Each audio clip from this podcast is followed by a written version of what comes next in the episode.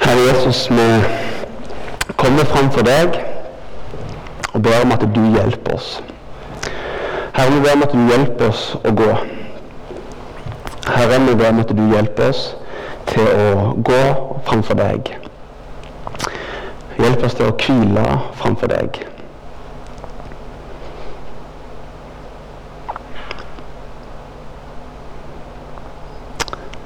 Herre, ber i ditt navn. Amen. Ja, Gjermund Øygarden heter jeg. For ikke altfor mange år siden så satt jeg fast på den rekka der og gikk her fast. Dette var vårt eh, åndelige hjem her i Salem i Stavanger, og det er superstas å være tilbake igjen. Eh, jeg hadde en beskrivelse her av hva type jeg var når jeg var her. Men så ser jeg at det er andre folk her i denne salen som ligner litt på meg sjøl. Skal ikke si den beskrivelsen, men jeg, jeg var nok litt midt i liksom, Salem sin eh, typiske person, eh, for å si det sånn. da. Uten å gå inn i de detaljene. Det kan vi ta etterpå. Eh, akkurat det da. Men nå er jeg iallfall her. Jeg er sammen med kona mi Birgitte, som sitter der. Det er stas. Vi traff hverandre her. Så det er håp, folkens. det er håp for sånne som meg og deg. Eh, og Vi bor i Bergen til vanlig. Birgitte jobber på et sykehus der. Jeg jobber i en menighet som heter Salem. Bergen. Og det er superstas å være der. Nok om meg. Eh, hva tror du hadde skjedd hvis én etter én her inne hadde falt på kne akkurat nå der du satt, og begynte å be høyt for at mennesker i din omgangskrets skulle komme til tro? Se for deg én etter én faller på kne. En dominosirkel som bare slenger seg ned på kne og høylytt ber om at mennesker skal bli frelst. Se for deg at det hadde kommet folk inn fra gata, og så hadde de hørt denne summinga. Se for deg at de òg hadde falt ned på kne og tatt en del av denne bønnen på kne. Hva tror du hadde skjedd? Jeg tror at det hadde skjedd noe kraftfullt. Ikke nødvendigvis bare for de som du hadde bedt for, men jeg tror det ville skjedd noe med deg. For idet du og jeg begynner å be for at mennesker skal møte Jesus, så tror jeg at Gud utvider våre hjerter. Jeg tror Gud utvider ditt hjerte. For det som ofte skjer, at når vi ber, at vi tenker at alt avhenger av oss. Eh, og det gjør det på ingen selvs måte. Gud er han vil bruke oss, ja. Men jeg hadde lyst til å si at det skjer noe med deg i det du begynner å be. Og det skjer noe med meg når jeg begynner å be. Så jeg tror at hvis vi nå hadde falt ned på kne Vi skal ikke gjøre det, men kanskje en gang så er det tid for det. Så jeg tror det ville, det ville skjedd noe med deg. Hvis du ser deg litt rundt når du kommer inn i dette bygget, så er det allerede formidla lenge før du kommer inn i denne møtesalen, hva som faktisk er grunnen til at dette bygget eksisterer. Hvis du ikke vet hva jeg snakker om, så kan du se langs veggene på vei ned trappa. Det er grunnen til at dette bygget er her. Det er bare et rammeverk for at mennesker skal møte Jesus. Dere er gjennom Jakobs brev, og jeg har kommet til kapittel 4, som jeg har blitt tildelt. Um, og Vi skal ikke gå gjennom hele kapittelet, men vi skal bruke litt tid på de første versene fra Jakob kapittel 4, vers 1-3. Og så skal Øyvind hjelpe meg med teknikken. Søren, Øyvind, du kan mye. Blant annet dette. Takk. Og Jakob skriver Hvor kommer all striden og spliden hos dere fra? Er det ikke fra lystene som fører krig i lemmene deres? Dere begjærer, men får ikke. Dere myrder og misunner, men oppnår ikke noe. Dere lever i strid og ufred. Dere har ikke fordi dere ikke ber. Dere ber, men får ikke fordi dere ber galt. Dere vil sløse det vekk i nytelser. Slik lyder Herrens ord. La oss fortsette å be. Herre Jesus, vi priser deg og opphøyer ditt navn. Og takk at vi nå skal få lov til å dele ditt ord. Takk at de viktigste ordene i kveld de er nå blitt sagt. Og vi ber om at de ordene slår rot i oss, Herre. Takk at det er kraft i ditt ord.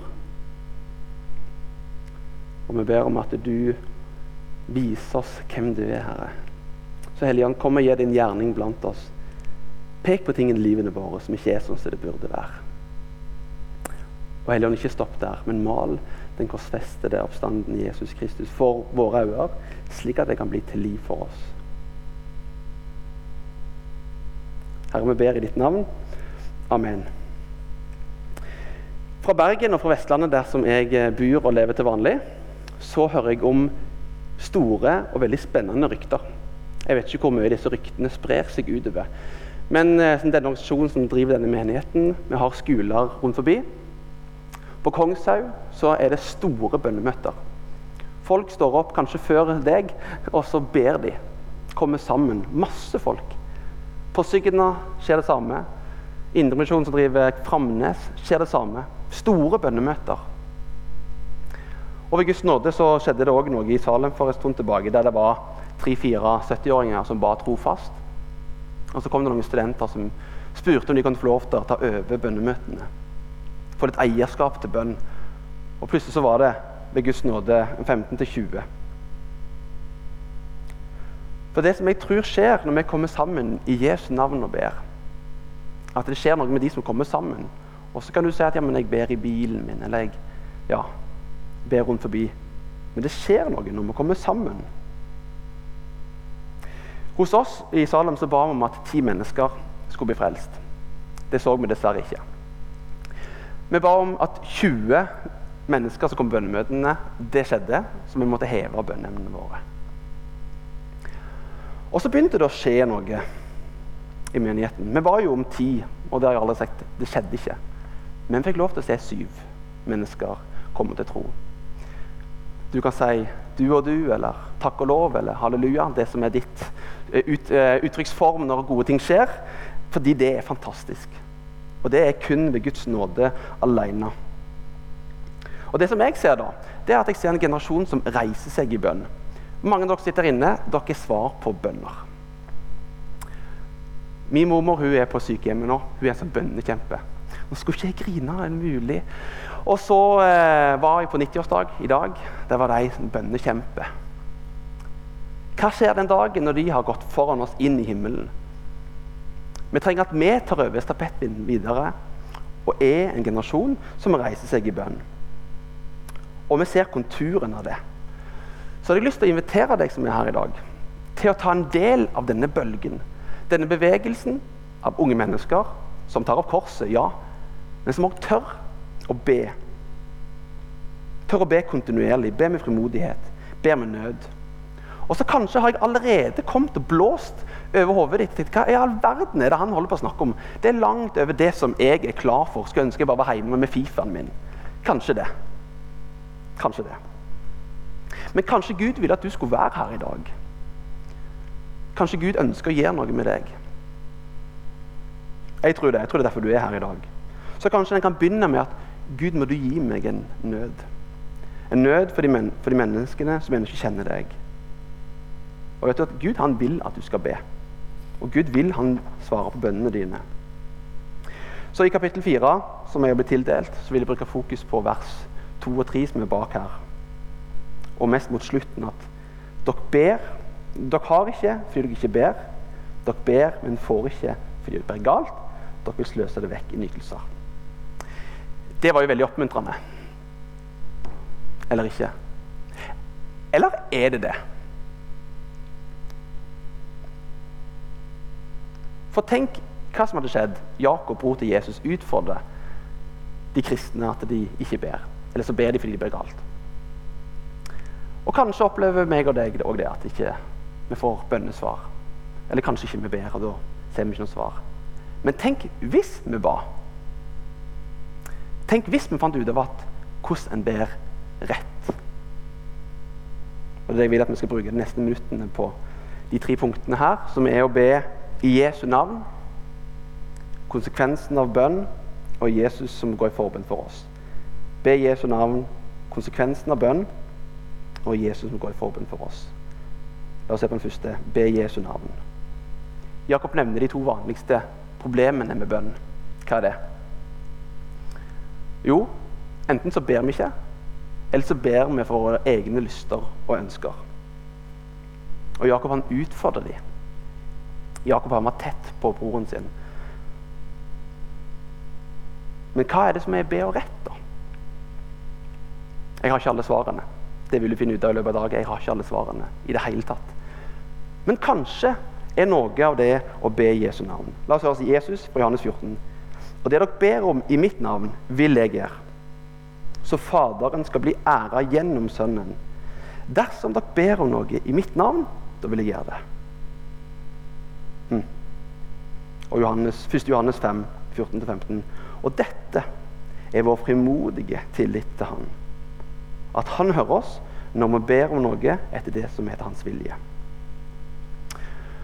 Så vi blir utfordra på at kanskje noen ganger så ber vi ikke, eller noen ganger så ber vi galt. Og kanskje det å be rett er å be i Jesu navn. Og jeg tror òg det å be rett er å be til Hans vilje. Hva ligger på Guds hjerte? Det var det som sto på veggen på vei opp i bygget deres. En hoveddel av hans vilje skriver Paulus til Timoteus. Han som vil at alle mennesker skal bli frelst og lære sannheten å kjenne. Så skal ikke jeg si her at alt, alle andre bønner ikke er til Guds vilje. Men jeg måtte nå ha et fokus i kveld, og det blir måte fokuset. Jeg tror det ligger veldig tett på i Guds hjerte at mennesker skal bli frelst og lære sannheten å kjenne. Vi får lov til å be i Jesu navn. Jeg vet ikke med deg, men Ofte når en går på shopping når en var litt yngre, så vil en veldig gjerne ha med mamma på shopping. Kanskje du var en del av de som ville ha med mor di på shopping. Og Så ble jo så glad. Åh, Tenk at du vil bruke tid sammen med meg. Og så kjekt jeg er med. Mens du, vet du, du har en liten sånn onden i deg, du òg. Du vil jo egentlig bare at hun skulle betale for deg. sant? Så når du går på Kvadrat og du shopper med mor di, altså, betalte du for deg. Det var fantastisk. Dagens ungdom eh, vet jo ikke hva penger er engang. nesten. De har bare noe tall på et kort. Stakkars ungdom. Men før i tiden da, så hadde de noe som kaltes for sjekker. Eller Du kom på butikken, kan du skrive ned hva du kjøpte, og så kunne du betale når du hadde hogd tømmeret ditt, eller det du holdt på med og fikk lønn for. Men så kan du skrive en sjekk. Så kan du skrive på et kontonummer og sum og hvem det var til, og så kunne du gå i banken og få penger. Men hvis personen som sto nederst, var en drittsekk, så er det ikke sikkert du fikk penger av banken. Men hvis personen var høyt akta og en rik mann, ja, da ville banken stolt på deg og gitt ut den sjekken din. Alle sammenligninger er jo med modifikasjoner, men sånn er det òg når vi ber i, i, Jesu navn.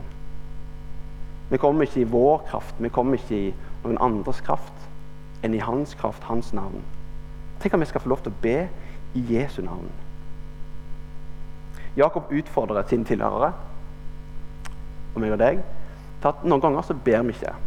Og andre ganger så ber vi galt. Men kanskje vi ber rett når vi ber i Jesu navn, og det som er på hans hjerte, at mennesker skal bli frelst. Og så sier jeg ikke at alle andre bønner ikke er til hans vilje, men det var det som var fokuset. Men tenk at vi får be i Jesu navn. Det er makt i de folde hendene, eller de utstrakte bønnehendene. I seg sjøl ser de ganske svake og små ut. Hvis du sitter hjemme om på kvelden eller på formiddagen eller tid du ber, og du folder hendene dine Jeg tror i menneskers øyne så er det det mest håpløse å holde på med. Snakke ut i tom luft, folde hendene og sløse tida bort på noe sånt. Men der er det en unik kraftkilde, for det er der kraften bor. Ikke i din kraft, men i hans navn.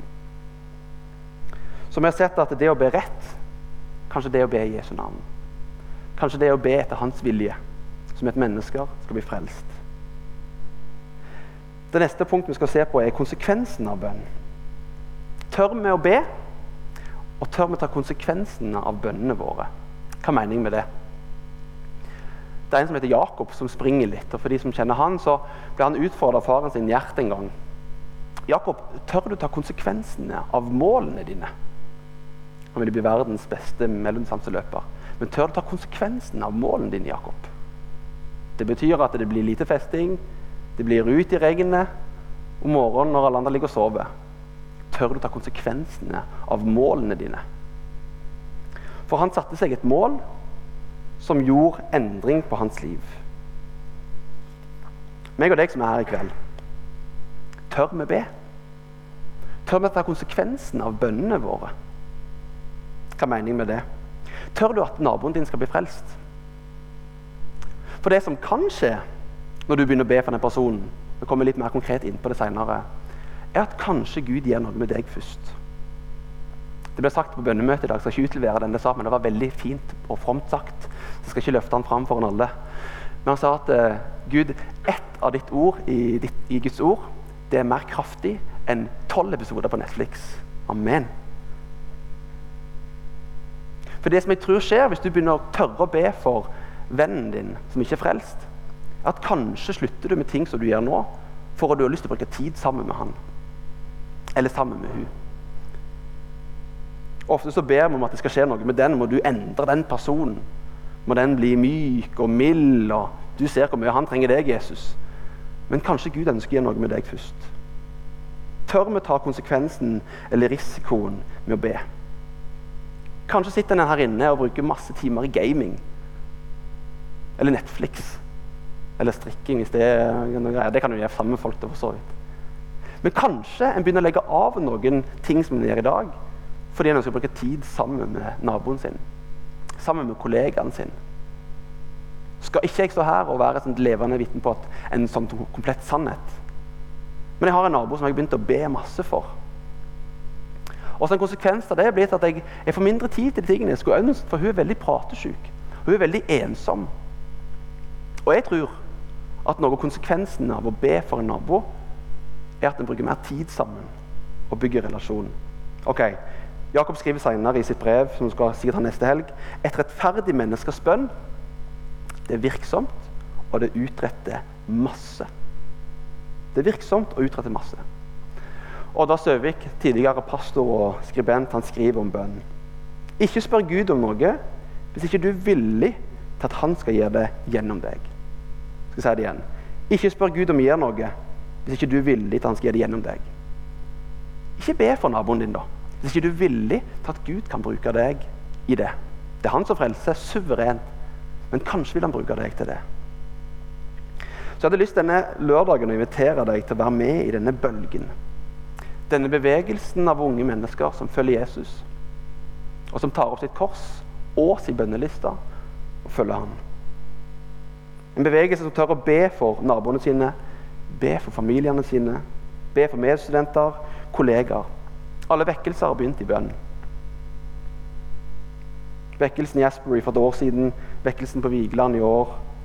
Disse syv som er ved Guds nåde fikk seg kom til tro i Salem, det begynte i bønn. Så la oss tørre å be konkret. La oss bli litt praktiske. Be om vekkelse. Be om at konkrete mennesker skal bli frelst.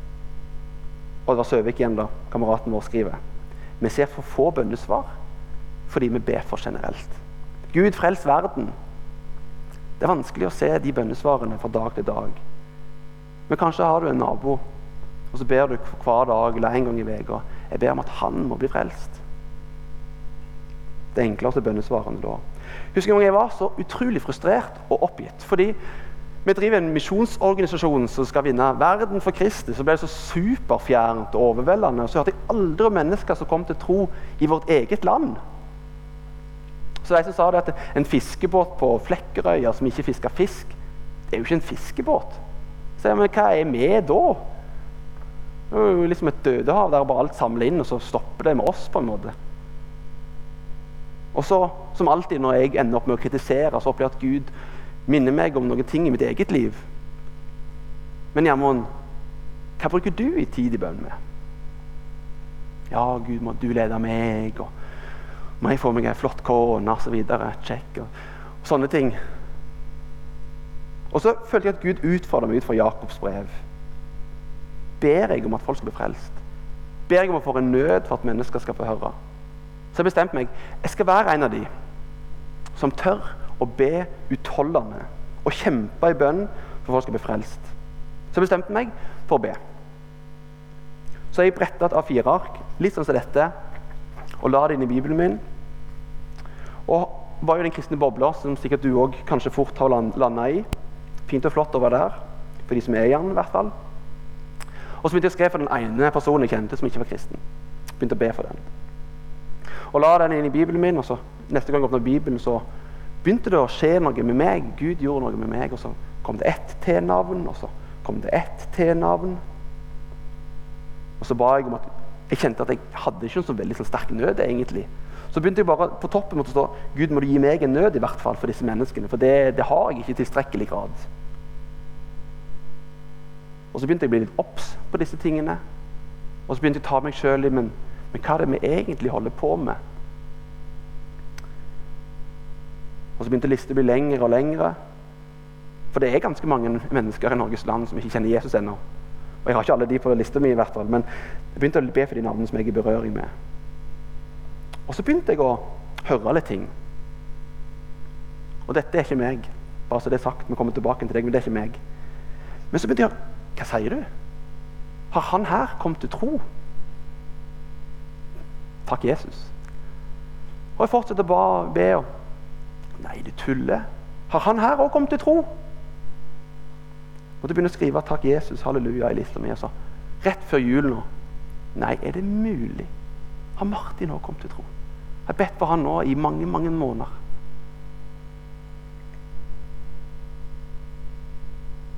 Og I margen så sto det nå tre ganger i høst 'Takk, Jesus'. Det er kraft i bønn, folkens.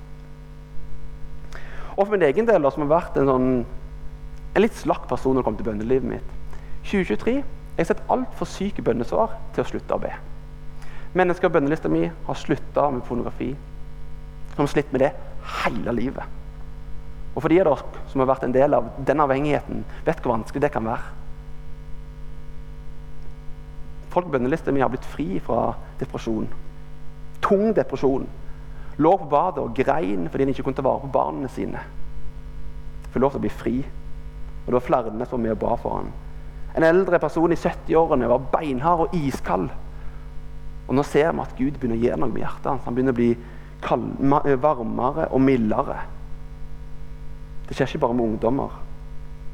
Det er kraft i bønnen. Og på min bønneliste med Guds nåde alene har jeg sett at tre mennesker kom til tro. Det skjer noe når vi tør å be. Tør å be regelmessig. Og så er kanskje spørsmålet er det meg. Er det min kraft? Det vet dere at det ikke er. Det er bønn i Jesu navn, og det er bønn etter hans vilje.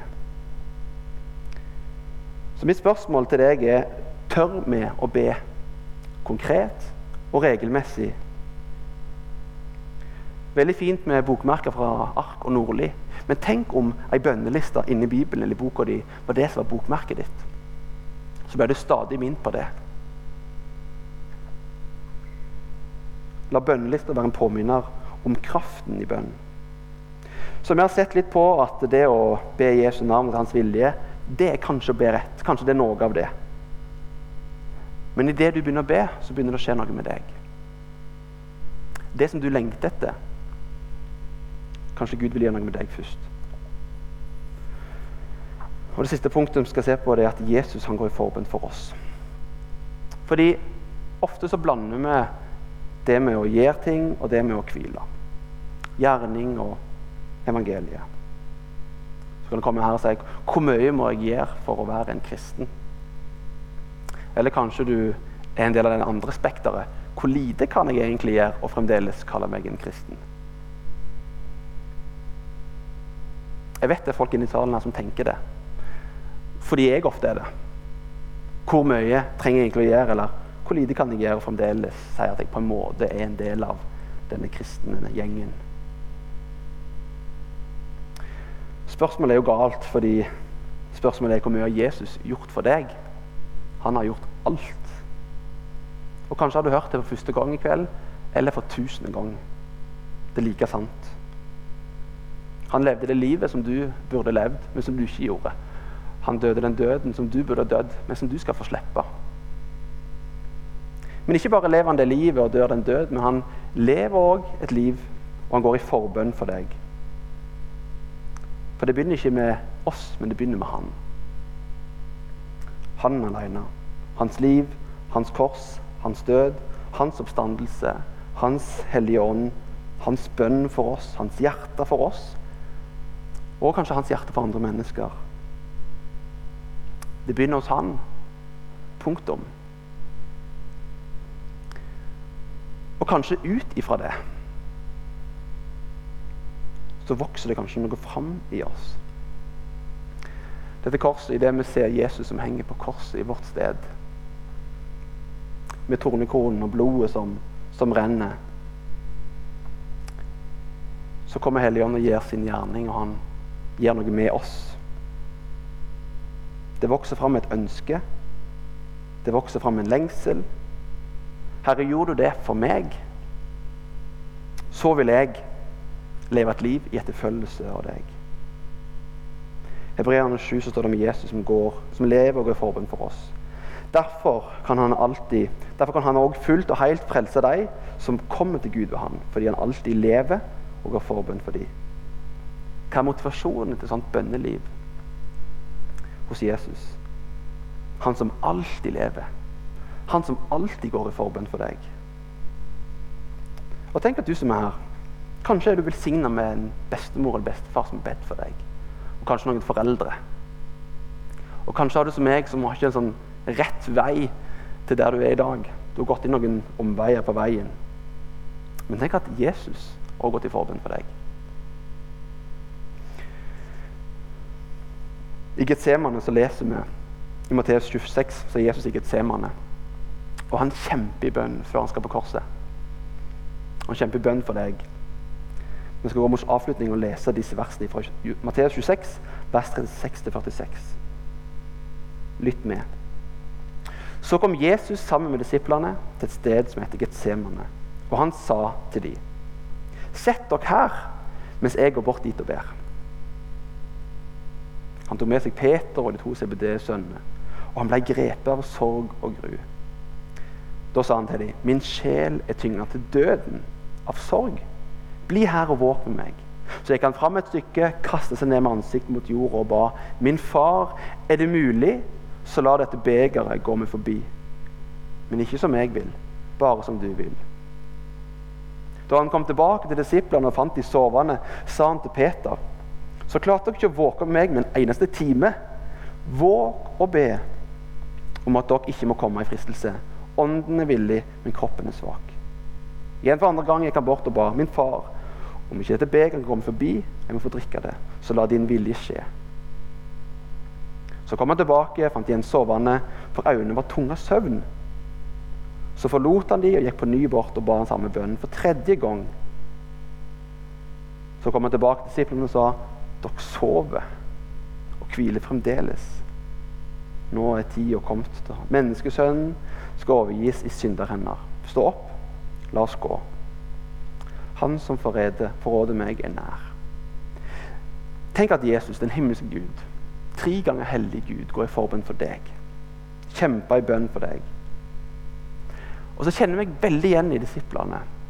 For hvor ofte slukner ikke meg og deg i troen vår til Jesus?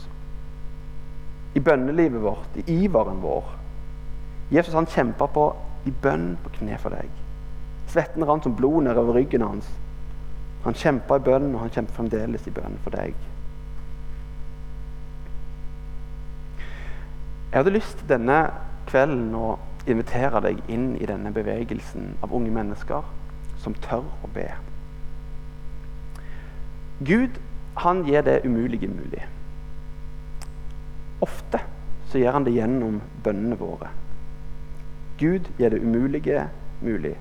Ofte gjør han det gjennom våre bønner. Det er han som bygger huset. For om ikke Herren bygger huset, så arbeider vi forgjeves. Men han, vi er med på det som han vil. Han vil bruke oss. Og så vet jeg at jeg snakker med, på vegne av flere her inne. At vi lengter etter vekkelse. Kanskje først og fremst vekkelse i våre egne liv. Vekkelse i menigheten vår, vekkelsen i landet vårt. Det kan virke umulig. Men er det det? Vi skal lese noen ord fra en som heter Trygve. Det er makt i de foldede hender. I seg sjøl er de svake og små. Men mot allmaktens Gud, du de venner. Han har lova at svar skal du få. Det er svar underveis. Engler kommer med bud. Om det drøyer, drog fram det skal nå. For det lover jo løftenes trofaste Gud. kall på meg, og du hjelpen skal få. Du som ber for ditt barn, dine kjære, er i forbønn fra år og til år. Om du tålmodets lekse må lære, himmelens bønnesvar en gang du får. Det er makt i de foldede hender, når i Frelserens navn du får be, og en gang når du livsløpet ender. Hvert et bønnesvart, klart skal du se. Tør vi å ta konsekvensene av bønnene våre? Tør vi å komme sammen i Jesu navn og be? Tør vi være utholdende i bønn? Jeg har lyst til å utfordre deg til det. Så vil jeg slutte denne talen at vi tør å komme litt stille framfor Den hellige ånd og be Han minne oss om navn som Han vil skal stå på de bønnelista for det neste året. Så hvis du har lyst, så kan du få lov til å ta fram telefonen din. Og så er vi stille nå. Og kanskje er du ikke vant til å lytte til Den hellige ånd. Men da kan bare tenke at sånn som de sa på de gamle vitnemøtene Jeg blei så minnet om Det er akkurat det samme. Det heter bare noe annet. Gud ønsker å minne deg om mennesker som du skal be for. Kanskje. Så hvis du får et navn eller to eller tre som ikke er kristne, nå det neste halvminuttet Kanskje er det Gud, kanskje ikke. Men skriv det ned. Hellige Ånd, vi kommer fram for deg, og vi ber om at du minner oss om ting som ligger deg på hjertet. Det som heter ditt vilje, din vilje. Minn oss om mennesker som ennå ikke kjenner deg, som kan stå på våre bønnelister. Så Hellige Ånd, vi kommer i stillhet framfor deg.